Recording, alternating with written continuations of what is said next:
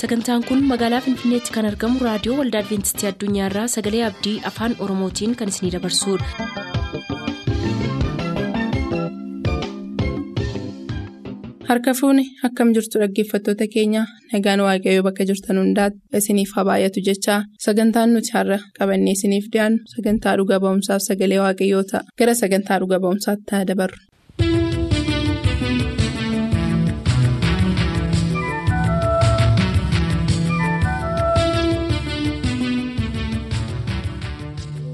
Kabajamoota dhaggeeffattoota keenya harka fuunee akkam jirtu isiniin jechaa gara sagantaa dhuga ba'umsaa har'aaf qabnutti isin dabarsina sagantaa dhuga ba'umsaa keenya jalatti namoonni adda addaa gochaa gaarii waaqayyo isaaniif godhe oolmaa waaqayyo isaanirraa qabu yeroo isaan itti isiniif dhiyeessaa turan yommuu ta'u har'as keessummaa tokko of biraa qabna.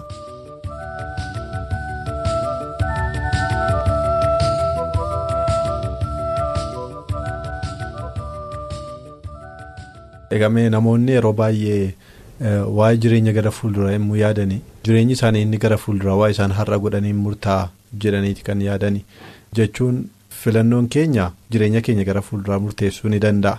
Garuu fakkeenyaaf hojiin nuyi har'a hojjennuunitu bor jiraanna jedhanii namoonni amananii. Fakkeenyaaf har'a mana barumsaatti ari'amnaan bor jiraachuu hin danda'u jedhanii namoonni amananii. Sababii kanaatiif jecha qooda waaqayyoof amanamuu. Amanamummaa waaqayyoof qaban hir'isanii har'a waaqayyoon gaddisiisanii bor jiraachuu namoonni barbaadan jiru mana barumsaatii qooda ari'amanii waaqayyoof amanamanii lakkianoo waaqayyoo akka barbaade naana godhu malee jedhanii waaqayyoof amanamuu dhiisuudhaan mana barumsaa isaaniitii darbanii baratanii hojii argachuu biddeen argachuu waan akkasiiti kan isaan yaadan yeroo baay'ee isaan kana ilaalchisee maaltu sitti dhaga'ama siin. gamme waa'ee fiikooti ilaalchisee. Otoon guddachuu barbaade guddina sadarkaa hin qabne guddachuu nan danda'a. Sababni isaa si'a lama kolleejii keessaa ari'ameera. Darbees kolleejii barsiisummaa darbees immoo karaa adda biraa kolleejii seeraa barachaa ture. Intarpreershiip kan jedhamuun inkompiliitii ta'e akka hin baranne taasifameera. Haa ta'uyyuu maleessaatii hanga ammaatti an barnootaas yookaanis immoo sadarkaa barnootaatiin gadaanaa yoon ta'eyyuu garuu sadarkaa guddaatu jira samaa'irra hanga waggaa kuma tokkotti illee. Barumsa yuunivarsiitii kan nama daawwachiisu yookaan nama qowwachiisu gooftaa biratti daawwii akkasii wanta dubbiseef filannoo akkasiin nu dura jira. Waaqayyoos immoo sababa anaan geggeessuu fi yoon wanta biyya lafaa kanatti boodduu dudubattaaf illee isa fuulduraasa samii sana dhabuu akka hin dandeenyeef jireenya koo keessatti akka inni calaqqisu barbaadeeti. Otoo garuu bu'aa biyya lafaa buufachuu barbaade wanti namatti hir'atu tokkollee hin jiru. Garuu sadarkaa dhugaa kana irratti deddeebuudhaa fi jireenya amantii keessatti jiraachuun immoo of ganuun murteessaa akka ta'e. Sababni isaa wanta gochaa waaqayyoo nuuf godhe kana caalmaa himuu dandeenya. Kanneen beekumsa isaanii barnoota isaanii dhiisanii kanneen akka museefaa yoo dhiisne mana mootii jiraachuurra iddoo gaarii jiraachuurra bakka onaa jiraachuu danda'e kan irratti ilaalchiseen yaadanii namootaaf dabarsuu barbaadu. Wantoota akkasii kanarraa akka isaan of qusatanii jireenya bara baraa akka isaan argatan darbees immoo kadhannaatti cimuutu isaan barbaachisa. Kadhannaadhaan yoo sammuu isaanii amansiisan malee humna fooniitiin amansiisuu hin danda'an. Hiriyaan koo nagattee yookaanis hiriyaan koo na bira darbee jechuu danda'u wantoonni baay'ees maatiinis nama jibbuu danda'u ari'atamuu guddaatu nama irratti argamuu danda'a sababa ta'eef waaqa wajjin jiraachuun garuu jireenya murteessaadha. eeyyee egaa jireenyi keenya gara fuulduraa harka keenya keessattuu hin ta'in kan inni jiru harka waaqayyoo keessadha kanadha kan dhaggeeffattoonni beekuun isaanirra jiru yookiin immoo dhama'insa keenyaan dhama'insa keenyaan. ofii keenyaa gochaa goonuun jabina keenyaan of jiraachifne yaanna yoo ta'e yookiis dandeettii barumsaa keenyaan har'a qormaata darbuu keenyaan of jiraachifne yaanna yoo ta'e hin goomna. Sababiinsaa barri nuyi jiraannuuf jireenyi nuyi jiraannu kan inni murtaa'u harka waaqayyoo keessattidha kan nu jiraachisu waaqayyoodha jechuudha. Biddeenni keenya harka waaqayyooti kan inni jiru kanaaf biddeen waaqayyo nuuf kennu nyaachuu wayyarraa kan hafee waaqayyoon gaddisiifnee biddeen furdaa nyaachuutu nurra jira jennee itti adeemuun barbaachisaa akka inni hin taane dhaggeeffatoonni keenya akka isaan hubatanan barbaadaa jechuudha kanarraa inni kan biraan tarii kanaa wajjin wal qabsiifne kan nuyi kaasuu dandeenyu jedhee yaadu tarii guyyaa sanbataati barumsaan barattu turte qormaati kee yoo jijjiirameyyuu jimaata galgala siin barattu turte sa'aatii kudha lama booddee. ijoollee hiriyoota kee wajjiniin qabxii kee yeroo wal bira qabdee ilaaltu maal fakkaata atoo barachaa hin turre qabxiin kee faa gadaanaa hin taane warra kaanirraa. kan baay'ee si ajaa'ibsiisu yoo jiraate afaaniin hunduma isaanii nan caalaa qabxii hunduma isaanii nan caalaa qabxii kan biraatiin garuu wanta isaaniin gatta'es hin jiru jechuudha sababni isaa warruma guyyaa sanbataa baratan caalmaa qabxiin koo olaanaadha jechuudha darbees qabxii tokkittiidha kan gadaanaa jedhee waamu isayyuu dhibba keessaa saddeettamii torba kanan fide qabxii gadaanaa jedhama. Kanaachi hundi isaanii sagaltama sagaltamii tokko amma sagaltamii lamaatti ta'uu danda'a jechuudha. Kanaaf isaan gadiinis waan hin ta'e hin jiru jechuudha. Darbees warri guyyaa sana baratanii qabxii gadaanaa kan qaban illee isaaniidha. Baay'ee isaanii torbaatama jaatama keessaa kan fidan illee baay'ee isaaniitu jira. Garuu waaqayyoo karaa adda biraatiin ammoo sanatti na gargaara. Ammoo na gargaaruun immoo waaqayyoon karaa adda biraa wanta na gaddisiise illee hin qabu. Egaa baay'ee gaariidha. Egaa kanadha yeroo baay'ee ijoolleen mana barumsaa keessatti kan isaan yaaddaan inni kan biraan kanadha yoo waaqayyoof amanamanii guyyaa sana barachuu dhiisanii yoorri kaan warri baratan qabxiidhaan isaanii hin caalaniitu kan isaan immoo qabxiin isaanii gad akka ta'uttidha kan isaan yaadanii yookiin immoo yoo ari'amuu baatan illee ijoollee biraa hafanii teellaatti hafanii akka isaan eebbifaman waggaa tokko semestira tokko teellaatti hafuun akka inni jiru yaaduudhaanidha yeroo baay'ee amanamummaa waaqayyoof qaban kan isaan hir'isani. garuu ati kana jireenya kee keessatti argiteetta guyyaa sana barachuu dhiisuun kee hiriyoota keetii gadi akka inni si goone waaqayyoof amanamuun kee waaqayyoo siif amanamuusaa akka argitu akka inni si godhe iddoo kanarraa nutti dubbatteetta. waan kana yeroo adda addaatti kaaseeraanis namoota adda addaas dhugaa ba'aniiru anis ofii kootii kana keessan darbe wanta ta'eef nan beeka. Yeroon itti hiriyoota koo biraan na fayyadee yaade tureera. Garuu immoo waaqayyoo. hiriyoota koo biraan nan bifne. Qabxiin koos hiriyoota kootii gadi hin taane ture. Kanaaf waaqayyo dhuguma waaqa amanamaadha. Kanaaf waaqa si gargaare kanaaf galanni isaaf haa ta'u dhumarratti mee dhaamsa qabdoo jiraate carraansiif kenna. dhaamsiin qabu yoo jiraate gara dhumaa kanatti barattoonni kolleejis ta'ee yuunivarsiitii garaagaraa dhaqan karaa amantii yoo waaqayyootti of kennanii waaqayyo wanti isaanii wajjin hin taane hin jiru maaliif yoo jenne daani'el fa'aa kolleejii baabiloon keessatti waaqayyo wajjin ta'eera. darbees immoo isaanis sadarkaa guddaa yookaan sadarkaa olaanaa irratti isa argamaniiru yoo waaqayyoof amanamte kolleejiitti barattu sana yesus geggeessuu sababa danda'uu fi amanamummaan murteessaadha jechuun barbaada. Baay'ee fayyaa ta'e egaa dhaamsi keenyas kanuma kabajamoota dhaggeeffattoota keenyaa gaaffiif deebii dhuga ba'umsa irratti obboleessa keenya mangistuu wajjin hin goone Eh, kanumaan kan xumurre yeroo ta'u gara fuulduraatti obboleessi keenya mangistuun tajaajila adda addaatiin qilleensa irratti argamee akka inni tajaajilu ni abdanna dhuga boomsas qabatee gara fuulduraatti akka inni dhufu abdii godhachaa kanarraatiif guddaa galatoomii isaan jenna isinis eebbifama.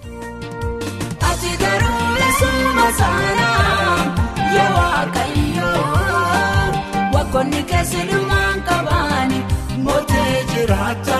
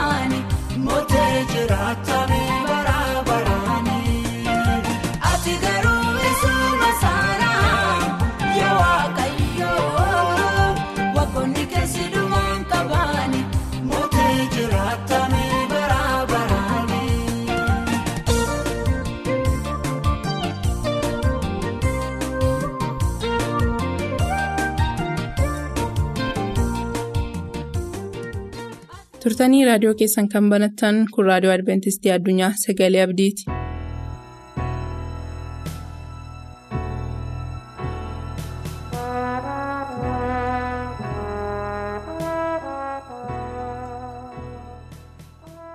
akkam jirtu kaawwamtoota dhaggeeffattoota keenya yeroo kana raadiyoo keessan banattanii sagantaa keenya hordofaa kan jirtan.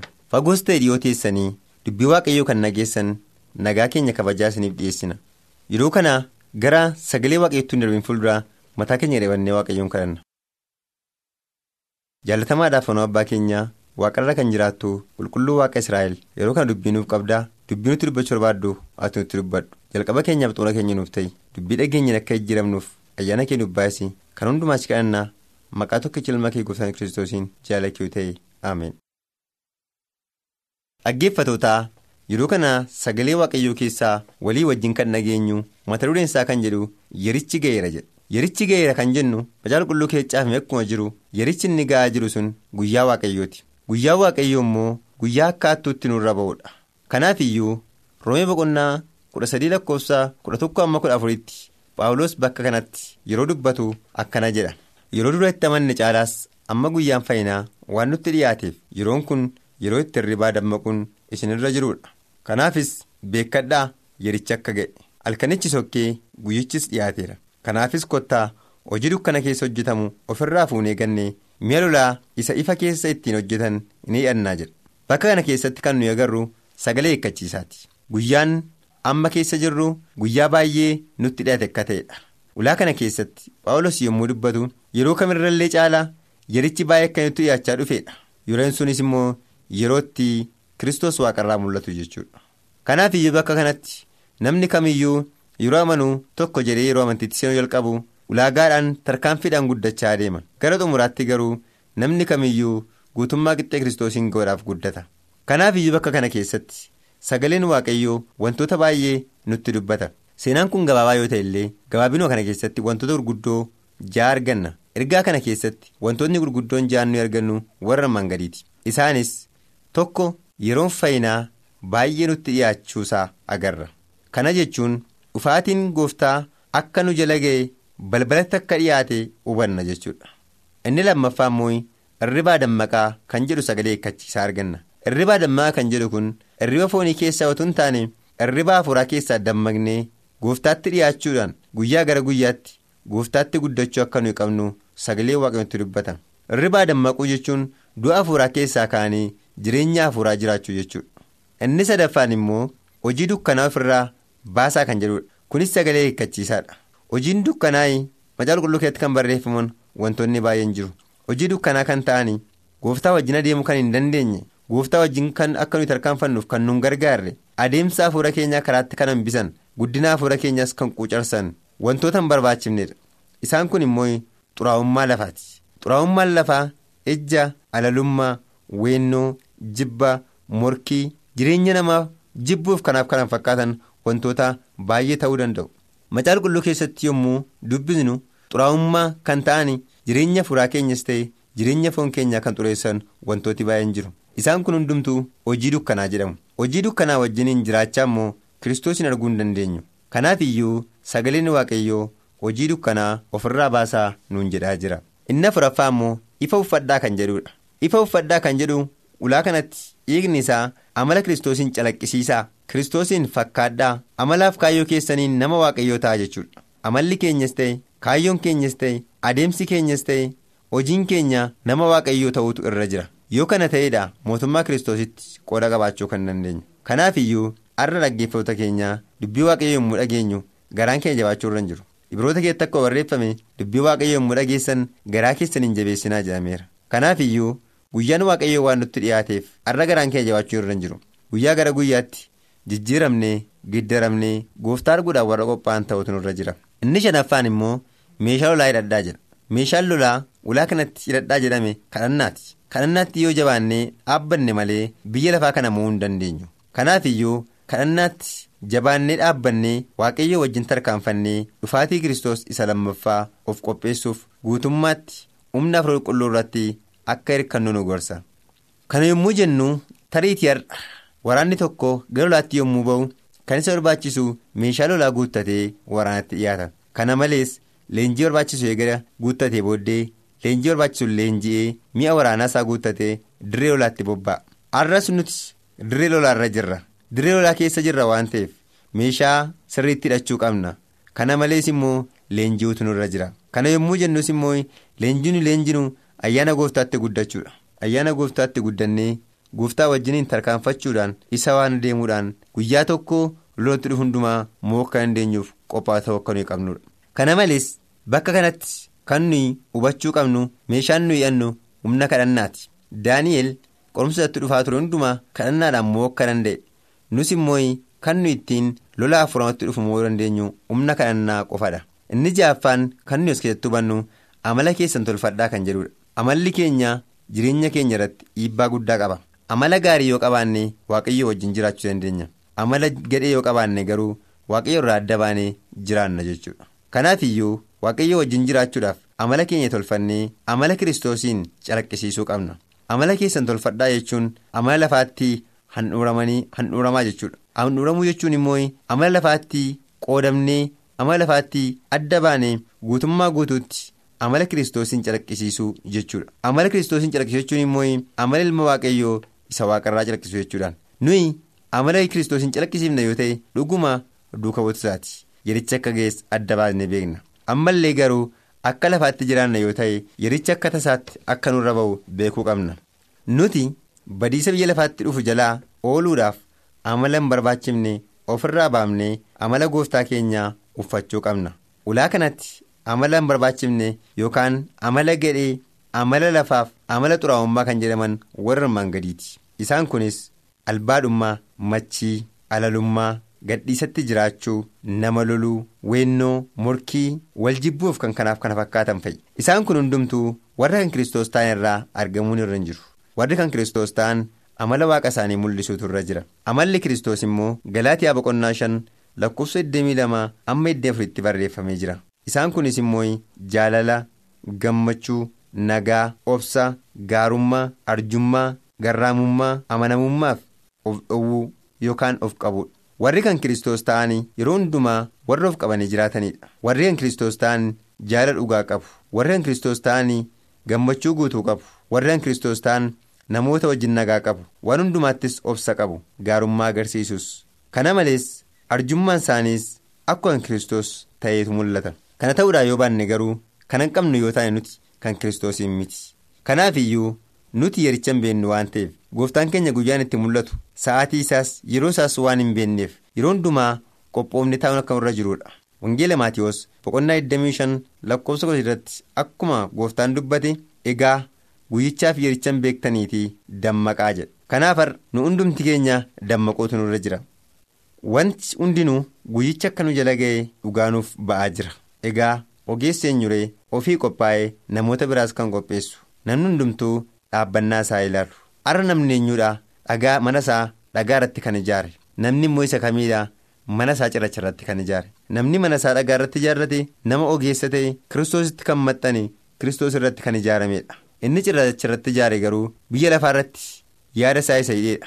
Kanaaf har'a dhaggeeffattoota keenya nu hundumti keenya yaada keenya wanta lafaatti dhokkanuu hin qabne caaffanni qulqullaa'an nutti dubbata. Namni hundumtuu dhaabbannaa isaa ilaaluutu irra jira. Akka hin qaanofnettis of sakatta'uu qaba. Mul'ata Yohaannis boqonnaa kudha ja'a lakkoofsa irratti kunoo inni dafee inni dhufu suni dafee nan dhufaa jedha inni dhufu suni immoo akka hattuutti hin dhufaa an akka hattuutti hin dhufa waan ta'eef hundumtuu qophaa'inaa eeggatu kan jedhu caafamee jira. Inni dhufu suni akka hattuutti hin dhufaa kanaafis namni qophaa'ee saalli isaa akka mul'anneefis qullaan isaa akka mul'anneefis qullaa isaa eeggatu haa gammadu kan jedhu caafamee jira. Kanaaf har'a leeyyoodhaaf. galadamuun dhiphachuun biyya lafaatti dhufuuf jira. Guyyaan kiristoos dhiyoodha. Gooftaan keenya mul'achuun isaa dhiyaateera yaa obboloota koo har'a eessa jirra laata? Maal hordofaa jirra laata? Maal fakkaachaa jirra laata? Akeekniif kaayyoon keenya eenyuun fakkaata? Kanaaf of gaafachuun nurra jira. Warra badan utuu hin taane warra qalbii isaanii jirratanii mootummaa samiitti qola qabaatan akka taanuuf waaqayyoon isaan of baay'isu gooftaan isin haa eebbisu. Ya Yesus, Ya Yesus,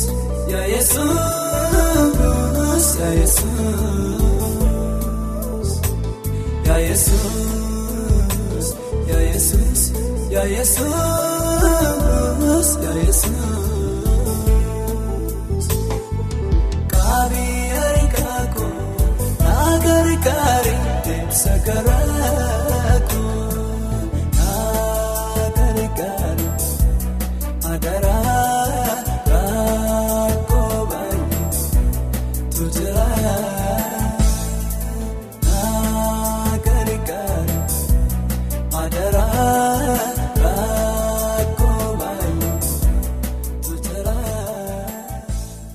sagantaa keenyatti akka gammaddan abdachaa har'aaf kan jenne xumurreerra. Bor sagantaa faarfannaa qabannee isiniif dhiyaanna beellama keessaan nu waliin godhadhaa jechaa nuuf barreessuu kan barbaadaniif ammoo lakkoofsa saanduqa poostaa 45 finfinnee. Lakkoofsa saanduqa poostaa 45 finfinnee.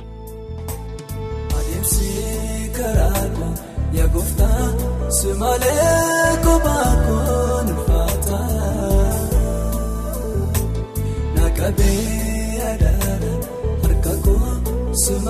simalee